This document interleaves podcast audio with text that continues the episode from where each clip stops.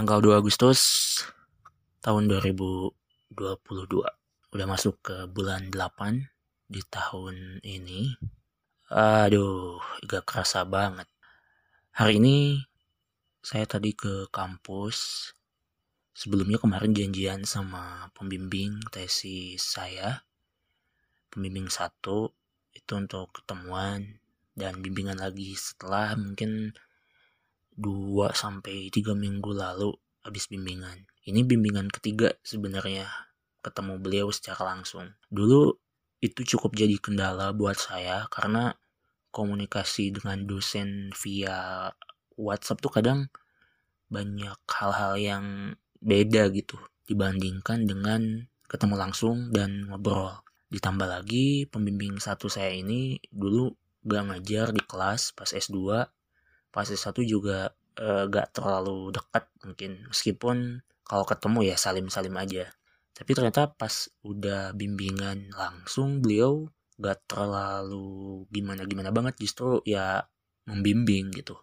Benar-benar uh, menjalankan tugasnya untuk membimbing mahasiswa. Apalagi kalau misalnya saya bimbingannya dari dulu terus responsif ketika udah bimbingan ada revisi langsung dikerjain itu mungkin beliau akan lebih respect sama saya dan akan memberikan yang lebih gitu berupa pembimbingan atau ilmunya untuk saya terkait dengan uh, penelitian tesis itu sendiri atau topik yang uh, secara spesifik saya lagi teliti.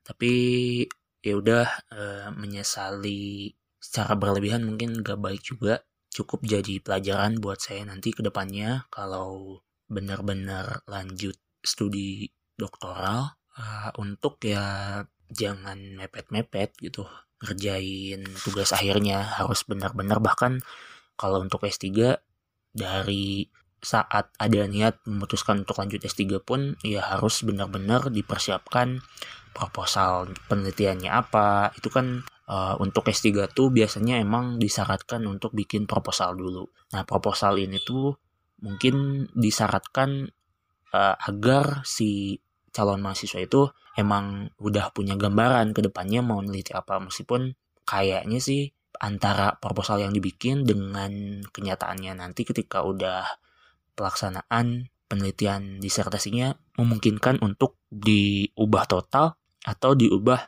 sekian persennya dari segi objek penelitian atau mungkin metode penelitian yang digunakan dan yang lainnya. Nah, jadi pengalaman saya ngerjain tesis dengan sangat keteteran dan e, kayaknya sih kalau pengerjaannya mepet-mepet itu mungkin hasilnya juga gak akan terlalu maksimal meskipun e, yang bikin saya juga emang keteteran ya karena emang e, faktor internal diri saya sendiri sih. Ditambah mah emang gak rajin terus menunda terus emang emang gak jago juga nulis uh, ilmiahnya. Ditambah sisi perfeksionis yang cukup dominan di diri saya gitu. Nah itu tuh perfeksionis tapi ujung-ujungnya karena mepet ya udah gitu yang ada aja. Skripsi kayak gitu tesis juga kayak gitu tapi mungkin nanti di revisian sebisa mungkin diperbaiki agar uh, benar-benar kalaupun nggak mencapai 100% atau mendekati 100% tapi ada mungkin di 75% lah cukup layak dibaca dan dirujuk oleh peneliti-peneliti selanjutnya. Tadi bimbingan beliau mendorong saya untuk cepat sidang meskipun ada banyak kekurangan tadi juga ada tambahan eh, sub bab di bab 2 di kajian pustaka saya diminta untuk nambahin tentang model dan pembelajaran PAI di sekolah. Karena emang judulnya juga itu. Nah, sementara saya di bab 2-nya tuh gak ada mencantumkan itu.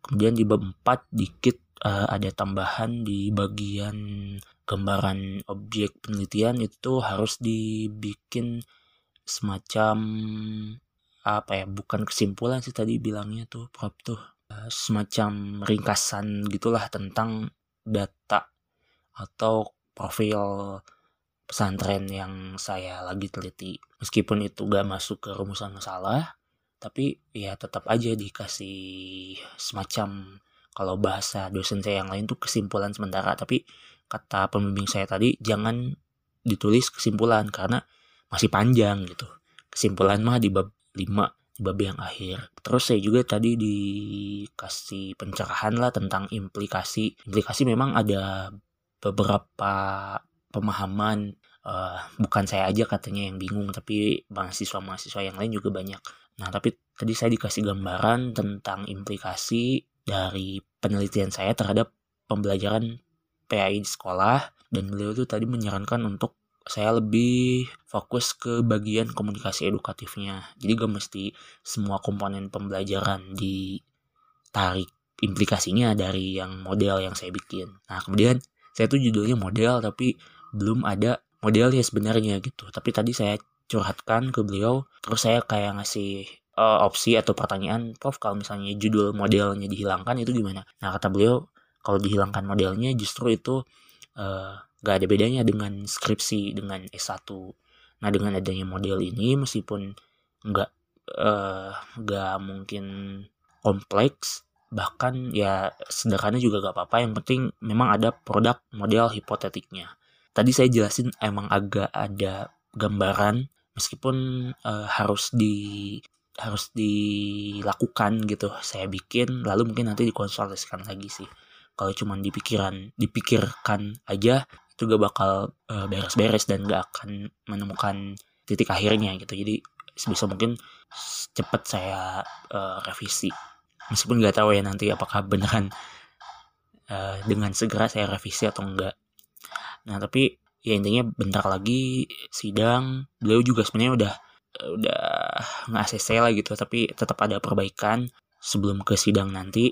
Saya sih nah berkaitan dengan sidang sebenarnya saya ngerasa dari keseluruhan tesis saya tuh masih sangat prematur. Mungkin iya um, tapi gak apa-apa nanti juga kan itu tahap satu terus ada perbaikan lagi untuk di tahap satu itu ada perbaikan nanti kemudian ditampilkan di tahap duanya sambil jalan bisa direvisi juga meskipun mungkin itu bukan bayangan ideal yang ada di pikiran saya sih terkait dengan sidang uh, meskipun tahap satu ya emang harus bagusnya sih ya mungkin jangan 50% tapi udah 80% atau 90% gitu. Jadi uh, revisinya tuh minor dan hasil tesis itu sendiri bagusnya ya emang menunjukkan pemahaman saya terhadap topik yang saya teliti kemudian dituliskan hasil penelitiannya dalam bentuk laporan tesis uh, yang baik gitu yang layak untuk baca dan layak dipresentasikan. Saya dulu flashback ya ke masa-masa S1 saya tuh dulu cuman presentasi 5 menit sih sebenarnya karena waktu itu tuh proyektor di tempat sidang itu ya agak bermasalah gitu. Terus sama salah satu penguji profesor juga itu tuh langsung disuruh ngomong 5 menit aja tentang gambaran keseluruhan dari tesis itu. Jujur saya waktu itu meracau ngomong apa gitu yang ada di pikiran saya aja. Udah mah mungkin saya gak terlalu menguasai apa yang saya tulis meskipun itu emang saya tulis sendiri gak pakai joki benar-benar sendiri mungkin terlepas banyak kesalahannya. Tapi saya gak dibikinin orang lain saya kerjain uh, sendiri lah gitu nah ya dulu tuh cukup bikin saya trauma gitu maksudnya ya idealnya kan kalau lihat yang lain benar-benar ya sidang tuh benar-benar mempertanggungjawabkan apa yang ditulis. Nah begitupun di S2 ini saya juga kepik cukup kepikiran dengan nanti ketika sidang karena kan gambaran dari sidang itu sebenarnya mungkin 50% itu dari apa yang kita tuliskan di draft tesis yang dikumpulkan gitu. Kata orang, orang bijak lah gitu atau kata para ya orang-orang yang menyebarkan pesan-pesan positif, uh, kita jangan terlalu khawatir dengan masa depan gitu, dengan apa yang akan terjadi eh, nanti misalnya dalam hal ini konteksnya adalah sidang. Tapi tetap aja itu cukup bikin saya kepikiran juga mau gak mau gitu tapi tetap saya coba lawan uh, karena saya juga nanti sidang gak sendiri tapi berempat sama teman-teman saya yang lain jadi mungkin kita bisa sama-sama saling memotivasi mengingatkan saling menyemangati. Dan kalau misalnya ada kekurangan-kekurangan baik itu nanti bentuknya dalam bentuk revisian atau ngumpulin berkas-berkas untuk syarat sidang dan sebagainya kita merasa kita gak merasa sendiri gitu. Karena menurut saya cukup berat sih sidang pas S1 S2 uh, kalau kita tuh nggak ada temen gitu. Uh, apalagi kalau yang di akhir-akhir itu kan ngaruh juga ke mental ya. Beda mungkin sama yang tepat waktu meskipun dia sendiri atau bahkan lulus cepat gitu tiga setengah tahun kalau S1 nah itu mungkin sendiri juga gak masalah ya. Soalnya uh, bebannya nggak terlalu berat beda dengan yang udah lewat masa normal uh, studinya gitu. Uh, ya intinya di jurnal tesis kali ini saya cukup gembira alhamdulillah gitu. Soalnya kemarin-kemarin tuh dan sekarang juga masih sih sebenarnya kayak kurang tidur gitu. Kurang tidur tapi ya lebih banyaknya sih mikirin gitu kalau ngerjainnya dikit. Kayak ya stres aja gitu. Kepikiran sama nanti gimana persyaratan sidang belum gitu. Dan banyak hal lain lah. Jadi saya tuh kadang tidur jam 1 atau jam setengah satu terus bangun soal subuh. Kadang jam 6 tuh tidur sejam atau jam 7 sampai jam 8 pagi. Uh, abis itu kadang langsung kerjain atau nyuci atau cuman bengong atau kalau misalnya harus ke kampus ya ke kampus gitu. Uh, nggak tidur dulu atau tidurnya bentar gitu. Nah itu cukup bikin mata saya agak sepet gitu. Uh, antara ya mungkin efek dari kurang istirahat itu sih sebenarnya.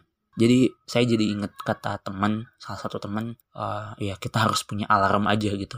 Meskipun dalam apa yang kita kerjain itu ada deadline yang pastinya tapi kita jangan mepet ke deadline itu. Kita harus punya deadline sendiri, alarm sendiri, yang mana itu tuh mengingatkan kita untuk cepat menyelesaikan apa yang jadi tanggung jawab kita gitu. Nah terus mungkin untuk syarat sidang sendiri tinggal draft tesisnya syarat-syarat yang lain udah sama mungkin satu lagi tuh similarity surat pernyataan similarity uh, Turnitin kemarin saya alhamdulillah uh, skornya ada di 14%, sebelumnya 28%, tapi diakalin gitu kayak diaktifin opsi exclude quote-nya, terus exclude bibliografi sama match-nya kalau yang match-nya enggak sih.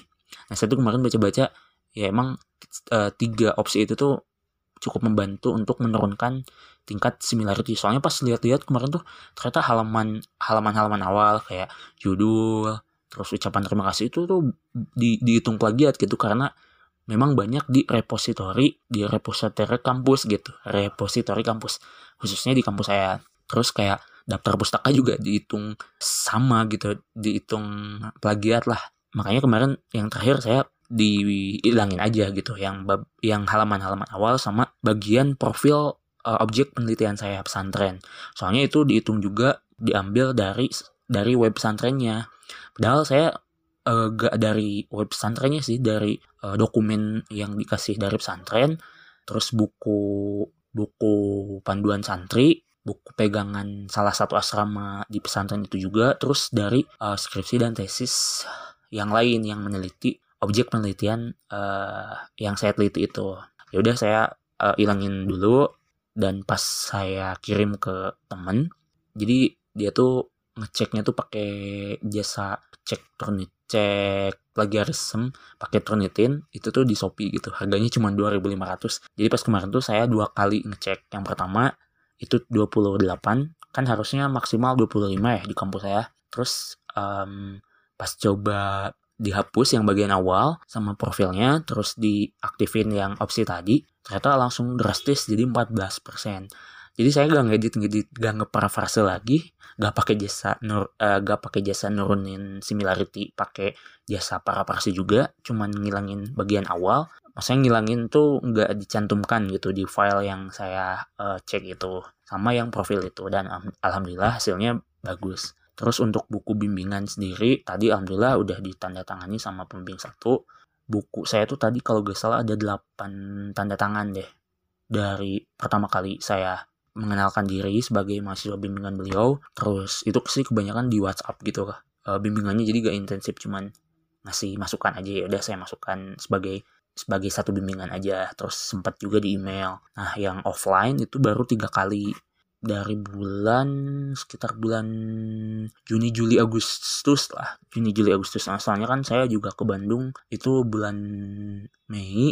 Akhir itu juga soalnya penelitiannya dari Desember sampai bulan Mei meskipun nggak full tiap hari atau selama uh, bulan-bulan itu saya stay di pesantren yang efektifnya mungkin ada sekitar 30 harian lah.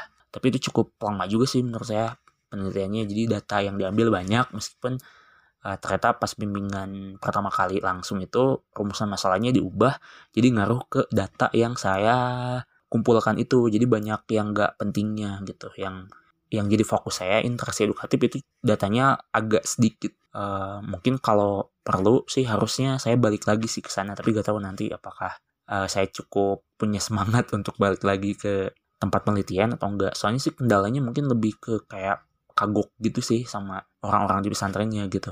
Kalau idealnya saya bis saya harusnya ikut lagi wawancara tuh ke eh wawancara ikut observasi ke beberapa informan yang saya wawancarai. Soalnya kalau yang saya observasi sih cuma tiga kelas aja dari sembilan ustadz yang saya wawancarai teh gitu Nah, harusnya idealnya kan ikut observasi karena observasi itu lebih lebih lebih apa adanya gitu. Lebih lebih bisa saya amati secara langsung kalau wawancara kan kadang dibagus-bagusin atau atau sebenarnya menceritakan idealnya atau yang udah terjadi sebelum-sebelumnya gitu. Jadi sekarang nggak dilakuin lagi atau kayak gimana. Oh, gitu. Tapi harus nambah biaya lagi dan waktu lagi sih sementara saya pengen cepet-cepet beres sih sebenarnya gitu. Biar nanti bisa langsung ikut wisuda gitu. Soalnya kan kalau misalnya nggak revisian nggak ngumpulin tesis yang dalam bentuk fisik udah jadi udah ditandatangani yaitu berarti gak bisa ikut wisuda cepat gitu. Nanti ikutnya di gelombang wisuda yang selanjutnya. Kalau orang tua kan pengennya ya udah aja beres gitu biar langsung melanjutkan kehidupan ke fase berikutnya entah kerja atau apalah lanjut studi tapi kayaknya lanjut studi duitnya mahal e, perlu duit yang banyak S3 terus mentalnya juga, fisiknya juga. Saya juga agak stres gitu kalau langsung S3 harus udah ngagulung disertasi lagi, jurnal lagi, dan lain-lain gitu. Uh, mungkin bakal rehat dulu, tapi keinginan untuk lanjut S3 ada dong. Nah, oke okay deh. Udah masuk 20 menit lebih, mungkin saya cukupkan. Makasih buat teman-teman yang kalau ada ya, yang dengerin segmen jurnal tesis ini. Tapi kalau enggak pun, ya ini sebenarnya bagian dari upaya saya untuk mendokumentasikan progres tesis saya. Meskipun dari jurnal tesis sebelumnya sih sebenarnya banyak hal yang yang ke skip gitu karena kadang hoream aja ngobrol tentang progres tesis saya baik emang ada bener-bener ada progres atau justru stuck aja gitu. Gak ada gak ada progres sama sekali. Mungkin itu aja. Terima kasih teman-teman sekali lagi. Assalamualaikum warahmatullahi wabarakatuh